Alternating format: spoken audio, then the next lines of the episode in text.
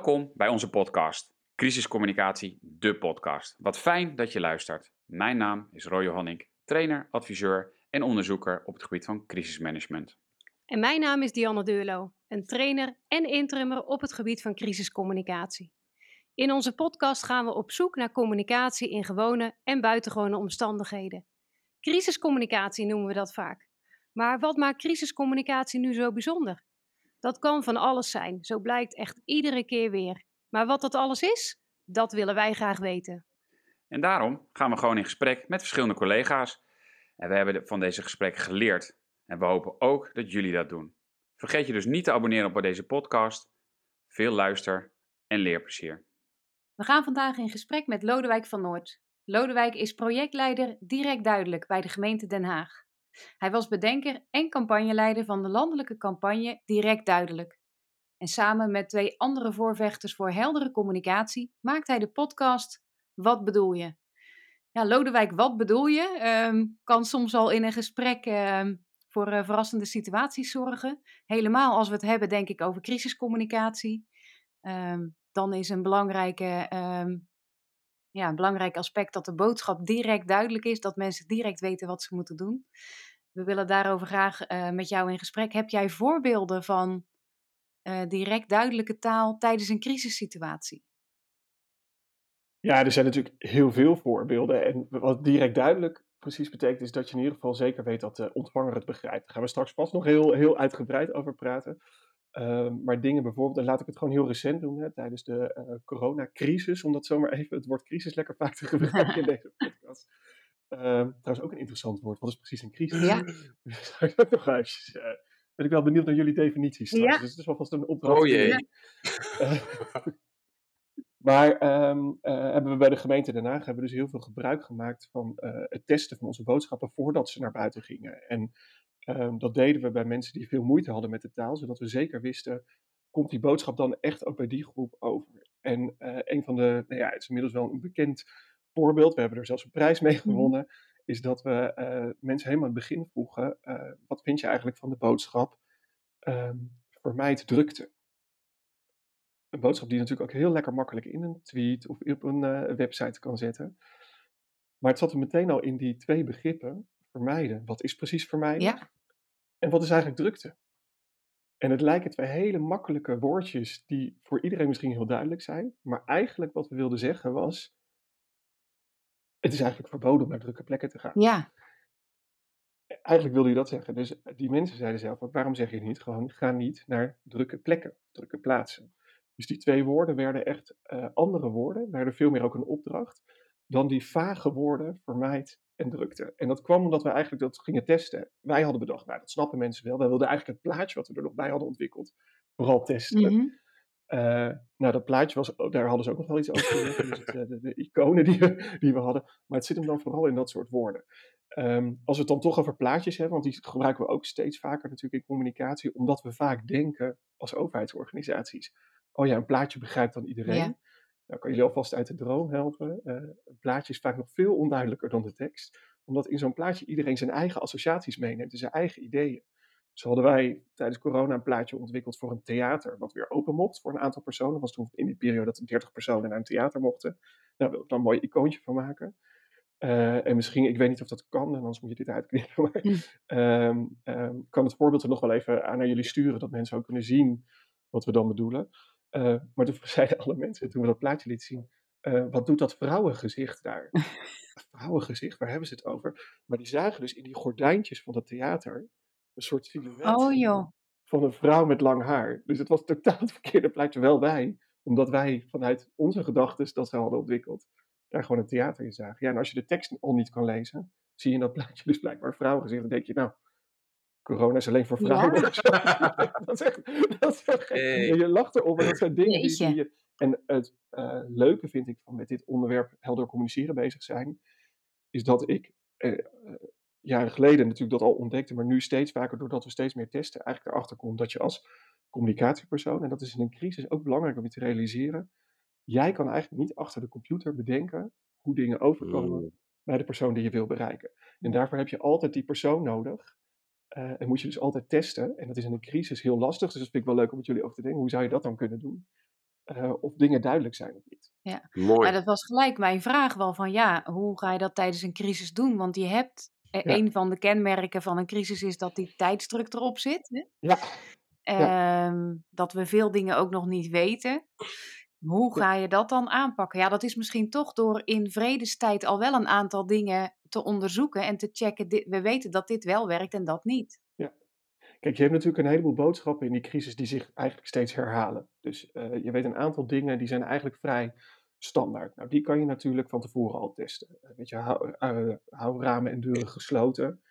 Dat zijn bijvoorbeeld van die dingen, daar zou je eens kunnen kijken, werkt dat logootje wat we daarvoor ontwikkelen, is die tekst inderdaad voor iedereen duidelijk op elk taalniveau? Ehm, maar er zijn eigenlijk drie stappen om te komen tot heldere communicatie, zeggen wij vanuit direct duidelijk. En dat is stap 1, leer jezelf het juiste taalniveau aan. Dat is trouwens echt, dat klinkt heel makkelijk, maar het is super lastig. Ehm, want ehm, stel er is een crisis en je weet, eh, of de omgevingsmanagers die daarmee bezig zijn, die constateren dat in die omgeving veel mensen zijn bijvoorbeeld van eh, niet-Nederlandse komaf. Of mensen die laaggeletterd zijn. Dat zijn allemaal data die je van tevoren natuurlijk tijdens de omgevingsanalyse al kan verzamelen. Als je dat weet, heeft dat impact op het taalniveau van je communicatie. Als jij nou weet van tevoren, dus ook tijdens een crisis, daar zitten heel veel mensen die eh, laaggeletterd zijn of moeite hebben met de taal. Ehm, dan zul je dus mensen in je crisis. eh, ehm, ja, hoe Ja, je crisisteam, ja. organisatie. Ja. Je crisisorganisatie moeten hebben die specialist zijn in het schrijven van teksten op dat taalniveau wat wel passend is. Ja. Dan zeg ik er meteen mee dat dat specialisme. eh, ik zal straks nog iets over die taalniveaus uitleggen. Maar dat specialisme, dat is, moet je je voorstellen, daar studeren mensen Nederlands vier jaar voor om dat te kunnen. Dus dat is niet zomaar iets wat je even met een cursusje kan leren. Nee. Dus het zou interessant zijn om eens te kijken, zouden we juist in een crisisorganisatie in een grootstedelijk gebied, zoals regio Haaglanden, waarvan we weten dat er veel laaggeletterdheid is en we weten dat er veel anderstaligheid is, zouden we dat specialisme niet naar binnen moeten halen. Dat is één. Dus dat is echt zorg dat je specialisme hebt op dat taalniveau. Ehm, twee is, en dat is gelukkig in de crisisorganisatie, dat is meteen een compliment aan hoe het georganiseerd is bij ons in de regio, goed geregeld. Zorg dat je zoveel mensen in je operatie hebt die in hun dagelijks werk klantcontact hebben.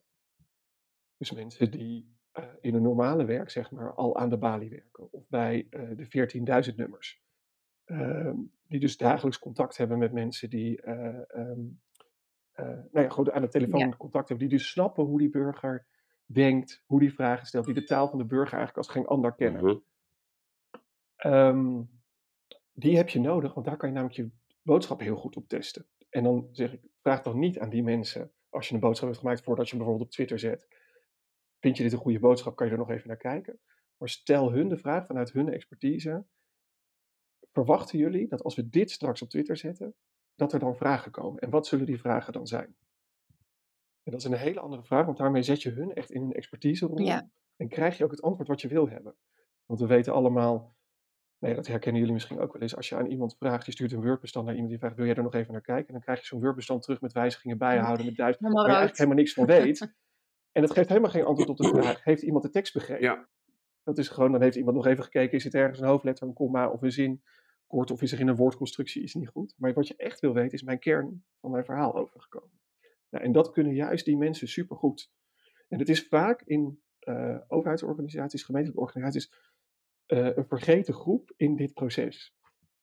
Je hebt een schat aan experts in je organisatie. Benut dat ook, eh, is ons advies.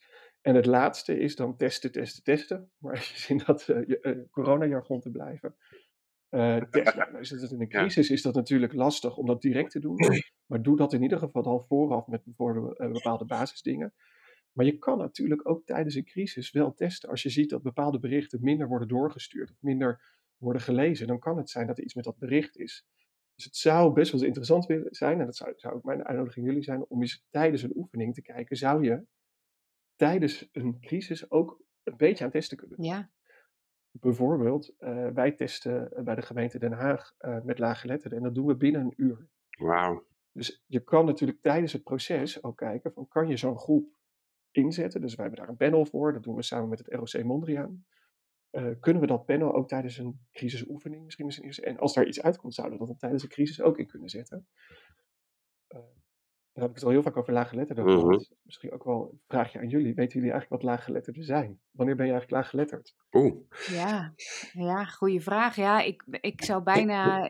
ergens is bij mij wel eens blijven hangen. Je moet op eh, B1-niveau schrijven. wat is dat?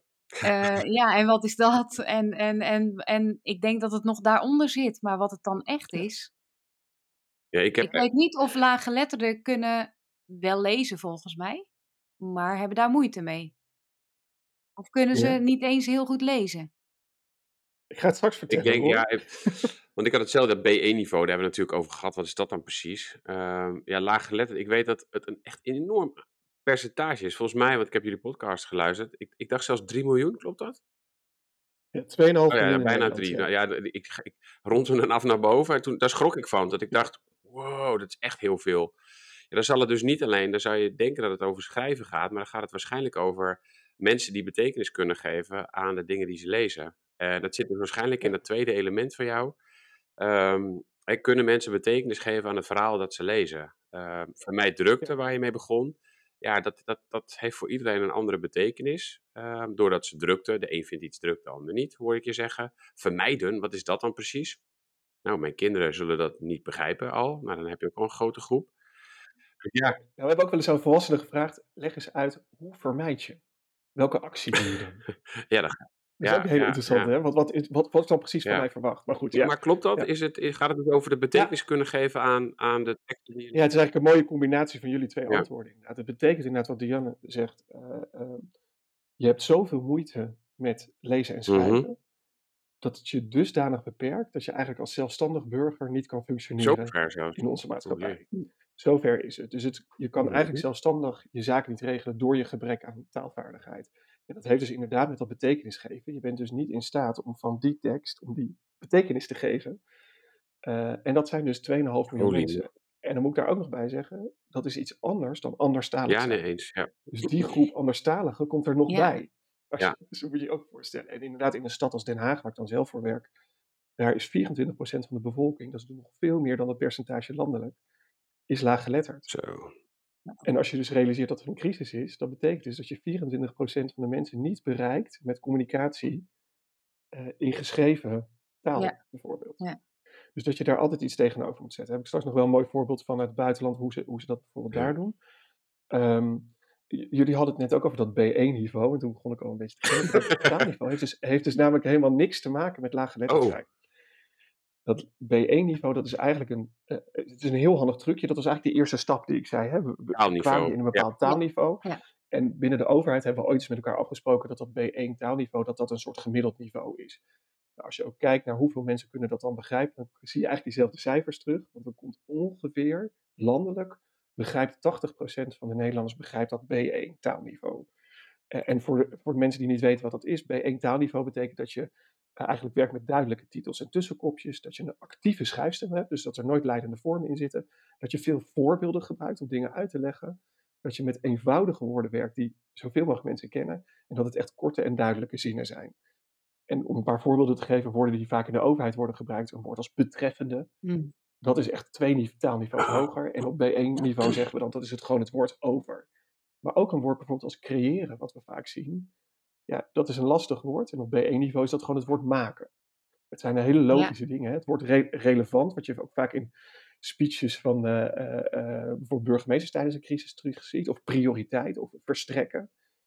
Dat zijn woorden die eigenlijk op een te hoog taalniveau zitten. En prioriteit zou je voorrang kunnen noemen op B1-niveau. Relevant is gewoon belangrijk.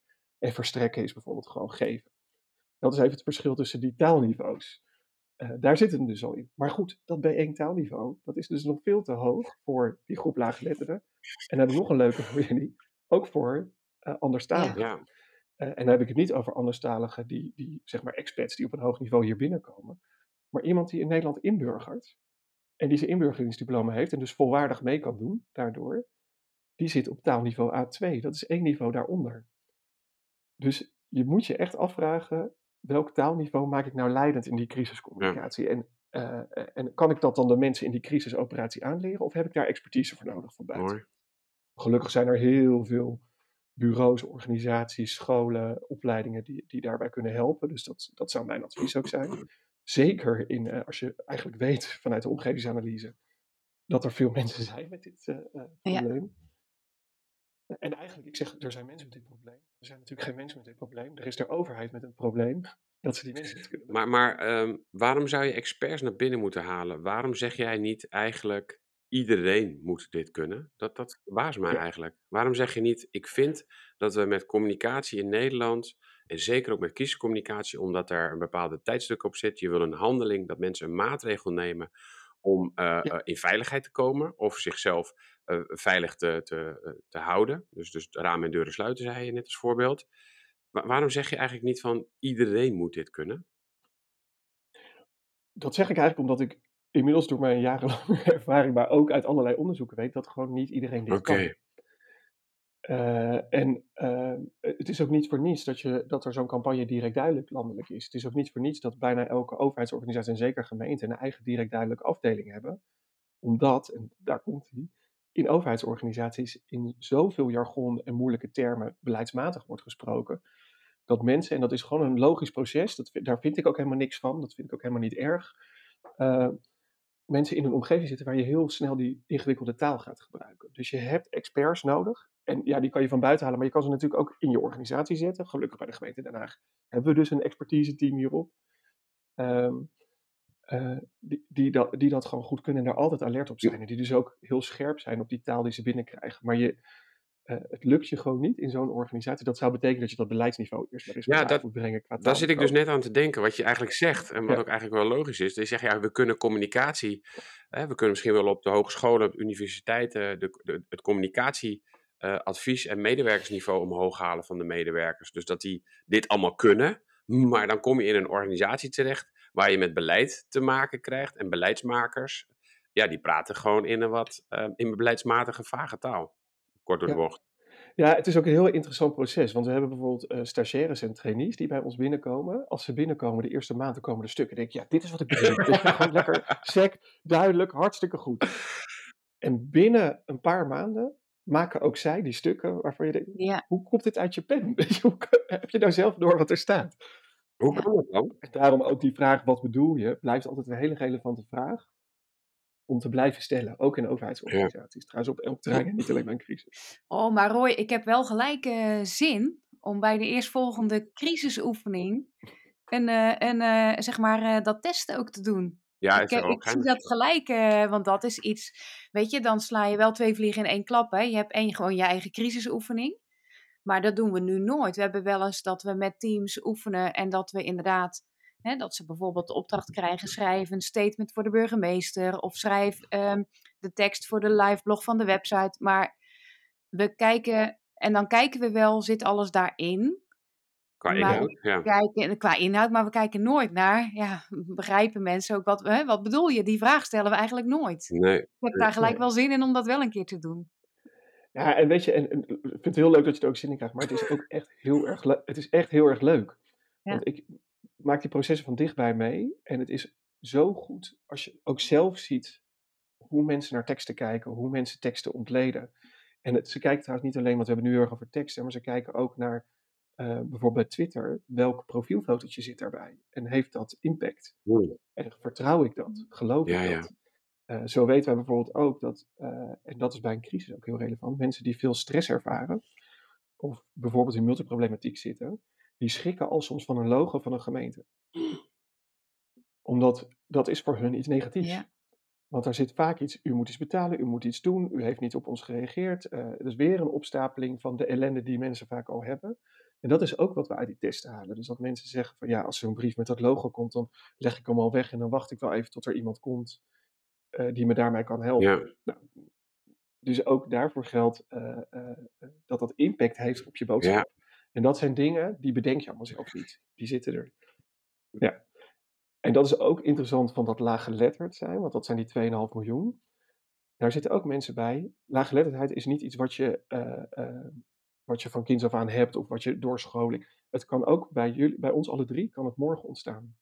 Als wij in een hele stressvolle situatie zitten of er te veel aan ons hoofd hebben, en misschien herken je dat ook gewoon wel, dan krijg je soms een tekst en denk je, ik kan me er gewoon niet op concentreren. Ja. Ik krijg het gewoon niet, het komt niet binnen. Mm. En dat is ook een vorm van laaggeletterdheid. En er zijn dus ook mensen die dat, die in een crisis, heb je natuurlijk Ja, stress. daarom, dus ik net te denken, ja. En Ja. dus is het logisch dat Dus het te gebeurt, zeg je. Maar Dus het is logisch dat we misschien in crisistijd dat het niveau van laaggeletterdheid, of de, de, de omvang van laaggeletterdheid, dat die groter wordt, omdat mensen gestrest zijn. Ja, dat die tijdelijk stijgt. Ja, een tijdelijk maar. Ja. Ja, en weet je, waar ik mee begonnen ben, ik heb Dianne ook niet verteld, ik ga volgende week lesgeven op de school van mijn kinderen. Eh, eh, Oh. Een half uurtje. En ga ik uitleggen wat ik doe. Ik denk, dat moet ik gewoon eens proberen. En dat komt eigenlijk wel een beetje, Lodewijk, omdat wij in gesprek gaan met jou. Ehm, dat ik dacht, weet je, het is super moeilijk. Want wat doet papa dan? Ja, bij de GGD, dat lukt op een gegeven moment nog wel. Eh, iets in communicatie lukt ook nog wel. Maar papa doet ook iets in incidentmanagement en crisismanagement. Nou, Weet je, mijn ouders die zeiden vroeger wat van het doet iets met burgemeesters. Ja, dat, dat, dat was het dan wel.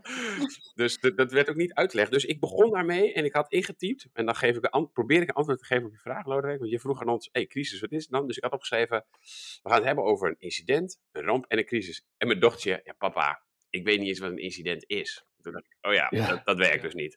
Een ramp wel, oh, daar had ze wel beelden bij. Crisis, nou, dat vond ze ook maar een raar woord. Mijn ramp mocht ik laten staan. Hup, de rest weg, ging weg. En zo, en zo ben ik, nu ben ik met haar dus dan aan het doornemen. Ja. Ik zei, ken je dan voorbeelden ervan? Ja, had ze wel. Is een vliegtuigongeval iets? Ja, had ze ook wel. Eh, dus daar had ze wel voorbeelden van. Maar ik, ik dacht wel van, wow, dit is voor mij ook gewoon een... een en, en ook jouw blogs, of jullie blogs, sorry. Eh, ja, ik vind ze heel erg leuk. Ik heb tegen Diana al een paar keer gezegd. ehm, eh, weet je, het, het, het laat je even weer zien van, joh, wij zitten met teksten en met dingen bezig. Ja, dat is voor heel veel mensen die zijn niet mee bezig. En, en wil je van Ja. mij nu horen hoe een crisis beschreven staat? Want ik ben benieuwd of jij dat weet. Ja, Juridisch. zeg dat maar. Let. Ja, ja. Een crisis is een situatie waarin een vitaal belang van de samenleving is aangetast of dreigt te worden aangetast. Nou, niks Nee, maar het grap is hè, dat je dus do- door je er bewust van te zijn en zo naar teksten te kijken, dat je zelf al denkt, wat, wat staat hier nou eigenlijk? Ja. En wie begrijpt dit nog eigenlijk? Want hier zit natuurlijk van alles in. Wat, wa- sowieso het woord crisis is al een ingewikkeld Ja. woord. En dan, en dan komt er een definitie achter die het eigenlijk alleen nog maar Ja, ingewikkelder maakt. klopt. En eh, ja, het zou wel leuk zijn. Ik zou het wel leuk vinden om misschien, en dan kunnen jullie er later nog een keer op terugkomen, om deze gewoon eens aan die testgroep van ons voor te leggen. Van hoe zouden jullie dit nou omschrijven? Wat zouden jullie hier nou Dat kunnen ze ook, dat doen ze ook voor jullie. Ja. Dus het is niet alleen dat Ja, ze, ja. ehm, en wat je zegt, ze geven zelf, eh, snappen ze het, maar ze kunnen zelf ook, eh, ze kunnen zelf, dat klinkt ook zeg fout, dat bedoel ik niet. het klinkt alsof... Maar ze, ze, je zet ze ook in om de tekst te maken. Ja, ja, ja, zeker.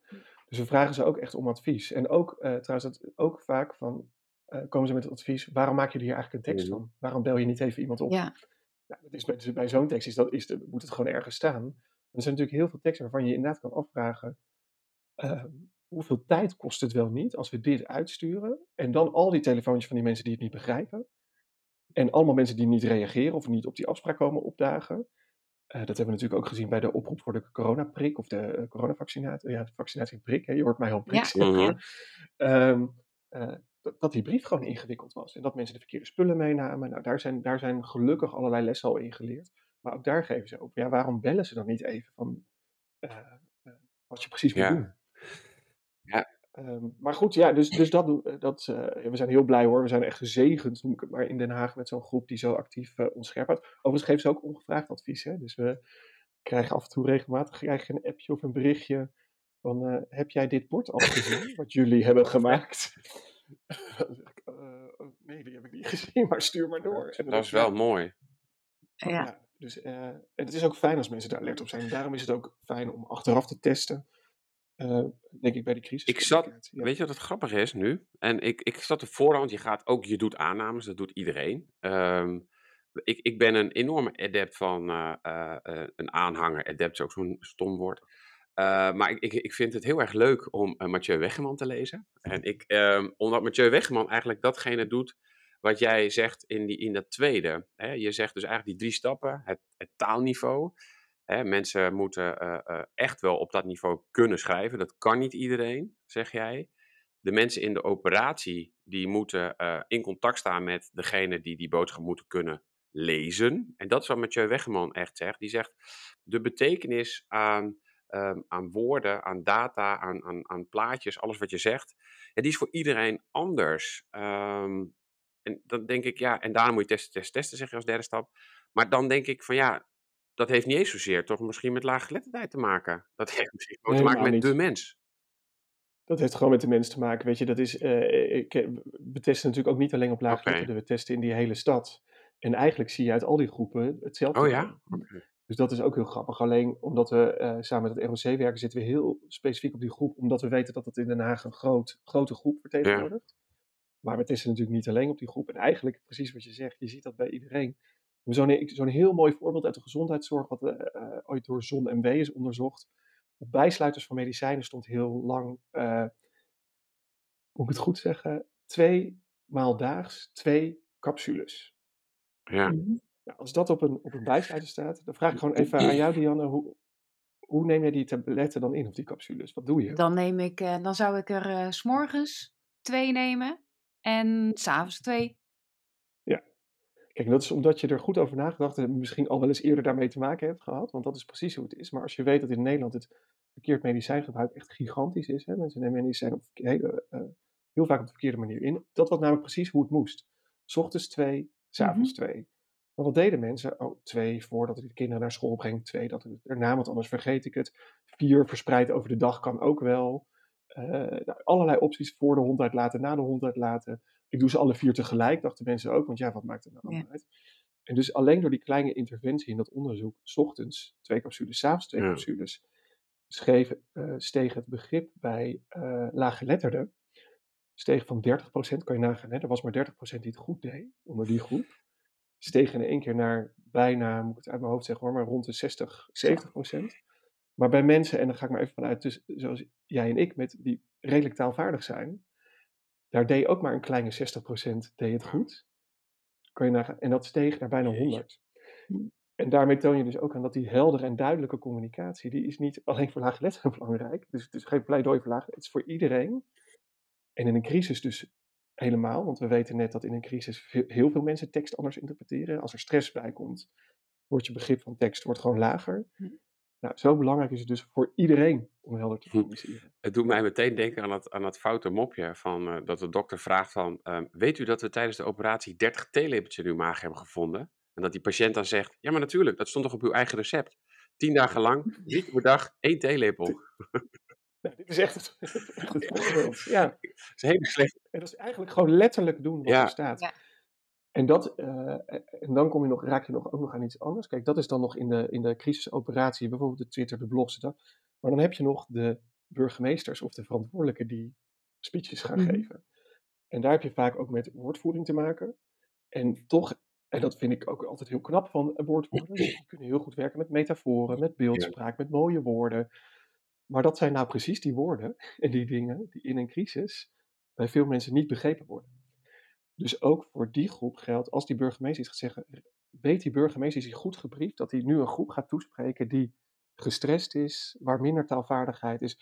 En als hij iets wil meegeven, dat hij dat dus ook in heldere taal moet doen. Dus in die stap zou het ook nog wel mooi zijn om eens te kijken, eh, zijn woordvoerders zich van bewust dat als je eh, mensen wil omarmen, zeg maar, dus als je weer het gevoel wil geven van het, komt goed, of ik heb belangrijk advies, of eh, in die speech van de burgemeester, dat hij dat ook zo helder en duidelijk doet. En het zou wel leuk zijn om misschien eens een paar van die speeches gewoon eens een keer op taalniveau te checken. Ja. En eh, te kijken wat, eh, wat gebeurt daar. Want ik snap dat je ook mooie woorden wil gebruiken. En ik snap dat je graag in metaforen praat. En dat dat, altijd, dat dat ook een manier is om dingen goed over te laten komen. Maar in een crisis kan je je afvragen, moeten we dat Diana wel heeft nog wel een voorbeeld waar ze geïrriteerd heeft. Dus in deze Ja. podcast ging, weet je waar ik me aan irriteerde? Ik zei, nou vertel me. Ja, dat, dat was eh, dat alweer een eh, jaren geleden. Nou ja, jaren. Een aantal jaar geleden natuurlijk in jouw gemeente, Lodewijk, met de vuurstapels eh, op het strand Ja. bij Scheveningen. Ja. Dat eh, de burgemeester ehm, toen zei: ehm, De bouwers hebben de regels met voeten getreden. Ja. En met voeten getreden. Ik denk, ja, wat bedoel je nou? Nou ja, de vraag, wat Ja. bedoel je? Ik denk, waarom? En ik denk, ik Ja. denk dat het is omdat je echt duidelijk wil maken: dit, hè, dit mag niet, dit kan niet, maar met voeten getreden. Ik moest het googelen. Ik denk, wat bedoel je? Ja. Vond ik heel. eh, en ja, daar zijn natuurlijk wel meer voorbeelden. Dan ben jij ook laag Ja, dat geletterd, zijn, hè, dat Diana? een prachtig voorbeeld. ook laag geletterd? Ja. Ja, blijkbaar. Ja. Ja, dit heeft trouwens helemaal niks met laaggeletterd te maken. Dit heeft er gewoon mee te maken dat je beeldspraak gebruikt die niet iedereen Ja. begrijpt. Ja. Ja. Ja, en, en, en het mooie vind ik dan inderdaad van, eh, dit kan je dan nog zelf redelijk bedenken, maar dat er dus ook heel veel dingen zijn waarvan je denkt, oh, nooit aan gedacht nooit aan gedacht dat iemand dit woord zo zou kunnen lezen. Ik heb dat ooit eh, gehad, eh, dat ik op werd geweest. We hadden een campagne, was trouwens een fantastische campagne in Den Haag over de afsluiting van de Raamweg. En toen stonden er hele grote borden over de Raamweg. En toen kregen wij dus van anderstaligen die net Nederlands hadden geleerd, die dachten dat we een campagne aan het voeren waren, dat mensen hun ramen weg moesten halen en moesten vervangen door dubbel glas bijvoorbeeld. Nee. Oh jongens, En dat ik bedenk ben je bang niet. dat ik na deze aflevering alleen maar anders ga kijken naar alles wat ik om me heen zie. Kijk, dat had ik al door jullie podcast. Dus die zetten we er ook wel bij, maar dit is ook wel, ja. En, dat, zijn- en dat, en dat- ik word altijd heel blij van dat soort voorbeelden, omdat ik denk, ja, weet je, dit, dit is dus ook het grappige van taal. Ja. Want het is ook gewoon, ach, hartstikke leuk. Alleen in crisis moet het natuurlijk niet grappig zijn. Nee, nee. Oh, maar Lodewijk, ik dingen, wil, ehm, ja. ik weet dat we dat in ons, dat hebben we in ons voorgesprek net even besproken, maar ik vond dat zo ehm, fascinerend, want jij zei net ook over ehm, beelden en, eh, hè, eh, nou, ik, ik denk ook, ja, een eh, plaatje zegt meer dan duizend woorden, dus laten we plaatjes gebruiken. Nou, eigenlijk weerleg jij dat een beetje. Maar jij had net in ons voorgesprek ook een heel mooi voorbeeld van Madurodam. En dat wil ik toch eigenlijk nog wel even horen. Ja. ja, dat vind ik zo mooi. Ik, ga dan, eh, ik ben gezegend met tien eh, hele leuke neefjes en nichtjes. Dus ik, en dan ben ik dan de suikeroom. Dus ik mag naar alle pretparken en dat soort dingen. Dus hartstikke leuk. Dus eh, zo kom ik daar ook eens. En Madurodam hartstikke dichtbij op loopafstand. Dus dan ga ik met mijn eh, neefje, die helemaal eh, verslingerd is aan Madurodam, daar regelmatig naartoe. En toen was het corona. En toen had Madurodam heel leuk. Hadden ze allemaal hartjes op de grond gelegd. En die waren op anderhalve meter van elkaar. En er stond erbij, volg de hartjes, volg de hartjes. Dus Ja. ik, ik nog tegen mijn neefje, zie je dat? Er zitten allemaal hartjes op de grond. Die moet je volgen. En wat hij doet, dan ga, hij helemaal natuurlijk heel opdrachtgericht, luistert heel goed naar oom. Heel fijn. Gaat meteen beter naar zijn oom dan naar zijn moeder. Als oom zijn. En die gaat die hartjes volgen, maar loopt precies de verkeerde kant op dan waar, hoe die hartjes er staan. En dus ik zeg, nee, je moet zo lopen. Hij zegt, nee, nee, de hartjes staan die kant op. En ik denk, wat bedoelt hij? nou? Ik zeg, wat bedoel je? Wat Ja. bedoel je? En hij had dus in het puntje van het hartje, wat zeg maar naar beneden gericht staat, zag hij een pijltje. Ja. Hij zag dus een hartje wat gebruikt was als pijltje. Alleen dat hartje wees dus, wij moesten als volwassenen liepen allemaal heel netjes het vorm hartje te Ja. volgen. Maar hij liep inderdaad de kant op waar het pijltje naartoe wees, de onderkant van het hartje. Zag hij als een pijl, die moet ik volgen. En hij was niet het enige die het kind dat het deed. Ik zag bijna heel veel kinderen. Zo zie je dus Ja. dat je heel anders naar bepaalde symbolen en dingen kan kijken. Daar heb ik trouwens nog wel een leuke tip voor. Want we hebben samen met de gemeente Gent en de gemeente Den Haag hebben we, eh, met de Taalunie en de Universiteit Utrecht een groot onderzoek gedaan naar de zin en onzin van pictogrammen en Mhm. iconen. En de resultaten daarvan worden later dit jaar bekend. eh, op, uit mijn hoofd op 7 november. En dat is een grote bijeenkomst eh, eh, waar iedereen, eh, iedereen gewoon online bij kan zijn. Ook fysiek hopen Mhm. we. Eh, maar dat gaat heel erg hierover. Die hebben echt onderzocht, waar zit hem dat, nou in? En eh, nee, ik ga nog niet Ja. verklappen. Ik Ja, cliffhanger. ik zeg, dit is echt een cliffhanger, want er komen ze echt opzienbarend iets wat ik ook niet had verwacht, komt daaruit. En, dat heeft inderdaad een beetje te maken met dat idee dat wij als communicatiemensen vaak denken, oh ja, beeld moet ik inzetten, want dan wordt het voor bepaalde groepen Duidelijk, duidelijker. ja. Hey, Lodewijk, Door die aanname kunnen we wel Ja, een streep leuk. zetten. Ja. kijk, gisteren was er een enorme brand en die is wel vaker in ons land. En dan wordt er weer een NL-alert uitgestuurd. En toch zit ik nu al te denken, sluit ramen en deuren, zet de ventilatie uit. Ik vraag me inderdaad af of mensen dat toch wel begrijpen, een grote groep. Wat Ja. zouden ze dan doen? Als je sluit ramen en hebt, dan ga je toch deuren, je dat deur is- dicht doen? Ja, Nee, het is eigenlijk doe ze dicht. Ja. Zou, zou je dan eh qua taalniveau. Ehm, en ventilatie is een heel Ja. ingewikkeld woord. Ik denk dat heel veel mensen dat woord niet leren als ze bijvoorbeeld Nederlands leren. Ehm, en jij zei dit, hè, altijd interessant om op jonge kinderen te testen, want die leren net Nederlands. Eh, en dan aan hun te vragen, welk woord zou jij gebruiken? Ehm, maar eh, ja, dat zijn inderdaad woorden waarvan je zou kunnen kijken, zouden, zouden we dat anders kunnen doen? En, eh, of kan je er een plaatje bij doen wat iedereen begrijpt? Ja. En overigens over plaatjes. eh, foto's werken het beste. Waarom? Omdat het is, eh, de gebruiker centraal heeft dat onderzocht. Een foto is ook letterlijk. Dus een foto van een raam is ook echt een raam. Ja. En een plaatje Ja. van een raam, daar kunnen Ja. heel veel mensen hun eigen fantasie op loslaten. Eh, en dat zie je bijvoorbeeld bij burgerzaken. Als we dus in een brief vragen, eh, als u een nieuw paspoort wil, dan moet u drie dingen niet vergeten. Namelijk uw oude paspoort meenemen, eh, pasfoto's meenemen en een bankpasje, want u moet afrekenen. Als je dat erin zet in tekst of met plaatjes, wat wel gewoon getekende plaatjes, dan zagen we dat heel veel mensen een van die drie dingen of alle drie vergaten. sinds we daar gewoon foto's in zetten, Echt? gebeurt dat niet meer. Zo. Bizar. Hey, en wat ook wel, Ja. kijk, Jan en ik dachten van laten we eens kijken of we nog zelf wat voorbeelden kunnen vinden. En nou ja, dan merkte dat het misschien ook wel meevalt, omdat wij toch op die manier niet kijken, denk ik. Ik ga na deze aflevering toch wel anders kijken, merk ik, eh, eh, naar de teksten. Maar, maar volgens mij zeg je ook, in, eh, dat vond ik wel leuk in een van jullie podcasts, zeggen van ja, maar ook alleen maar B1 schrijven, daarmee kom je er niet. En volgens mij, wat ik zelf denk, ook alleen maar direct en helder communiceren, wil ook niet zeggen dat je communicatie goed is. Nee, nee je- kijk, je, je gaat natuurlijk niet om goede communicatie in een crisis of waar dan ook, of bij de overheid. Je gaat om communicatie die mensen begrijpen.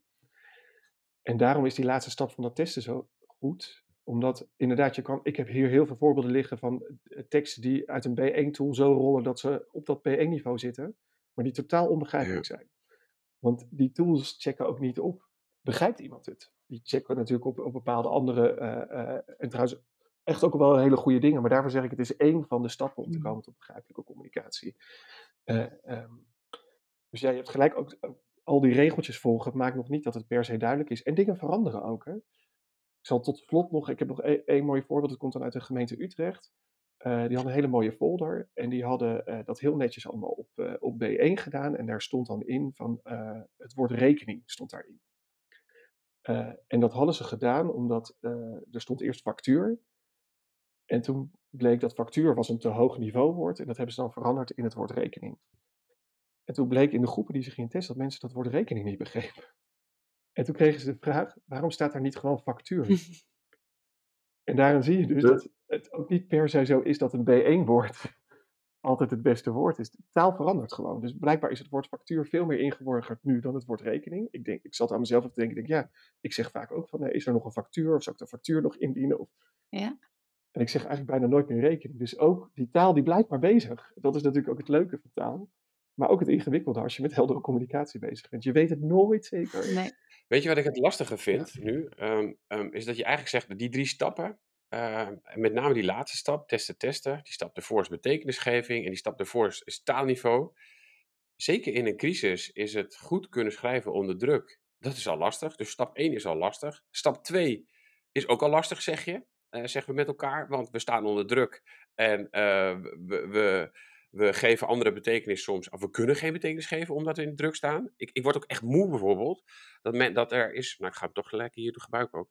Bij het IFV is er een eh, communicatiestrategie bedacht, een paar jaar geleden, voor mensen in paniek in menigte. Kwamen ze bij mij, gingen ze interviewen, vroegen ze mij, ja, wel- welke handelingsperspectief zou jij nou geven aan mensen? Ik zei, nou geen. Ik zeg, ik zeg, als jij iets als paniek in menigte duidt, ik zeg, als ik in paniek ben, dan kan je alles tegen me zeggen. Maar dan denk ik maar één ding, ik ga daar naartoe. Wegwezen. Ja, dus ik zeg, hoe, ik zeg er, is, er is gewoon geen communicatiestrategie voor paniek in menigte. Ik geloof daar niet in, zei ik. Nee. En eigenlijk, nu ik dit dan denk, ik, nou ja, zij, zij vond het heel gek dat ik dat zei. Maar ze hebben toch een strategie bedacht. Ja, ik vind het echt belachelijk. Want eigenlijk zeg je Ja. ook van, als je st- gestrest bent, dan wordt de betekenisgeving ergens aan wordt ook moeilijker ehm, om, om daar wat van te vinden. En wat nog Ja. lastiger is misschien, voor die direct duidelijke taal, dus ik wil het niet onderuit halen, maar we moeten daar wel mee aan de slag, denk ik dan ook, Diana, is dat testen, testen, testen. Want ja, Mhm. voor sommige situaties, als de nood hoog is, binnen een half uur, binnen een uur, zo'n NL Alert, ja, als je dat wilt testen, ja, dan, hoe bood je dan zo'n situatie naar? Dus dat, ik vind dat wel een lastige. Heb je daar, heb je daar nog tips voor dan? Ja, nou ja, kijk, ik heb zelf natuurlijk ook wel eens met zo'n grote oefening Mhm. meegedaan. En toen dacht ik van, ja, eigenlijk zou je gewoon moeten kijken, eigenlijk zou je testen moeten testen. Ja, ja, ja. Dus test het gewoon een keer bij zo'n oefening. En ik, ik zat net terwijl we aan het praten, en dat zat ik nog te denken, dat je eigenlijk zou het ook interessant zijn om bij een crisis is een communicatieadviseur of een redacteur uit te nodigen die nog nooit in een crisis heeft gewerkt. Die al die terminologie niet kent. Ik had gisteren een. En die eigenlijk zegt, jij bent de eindredacteur Oh van ja, vandaag. ja.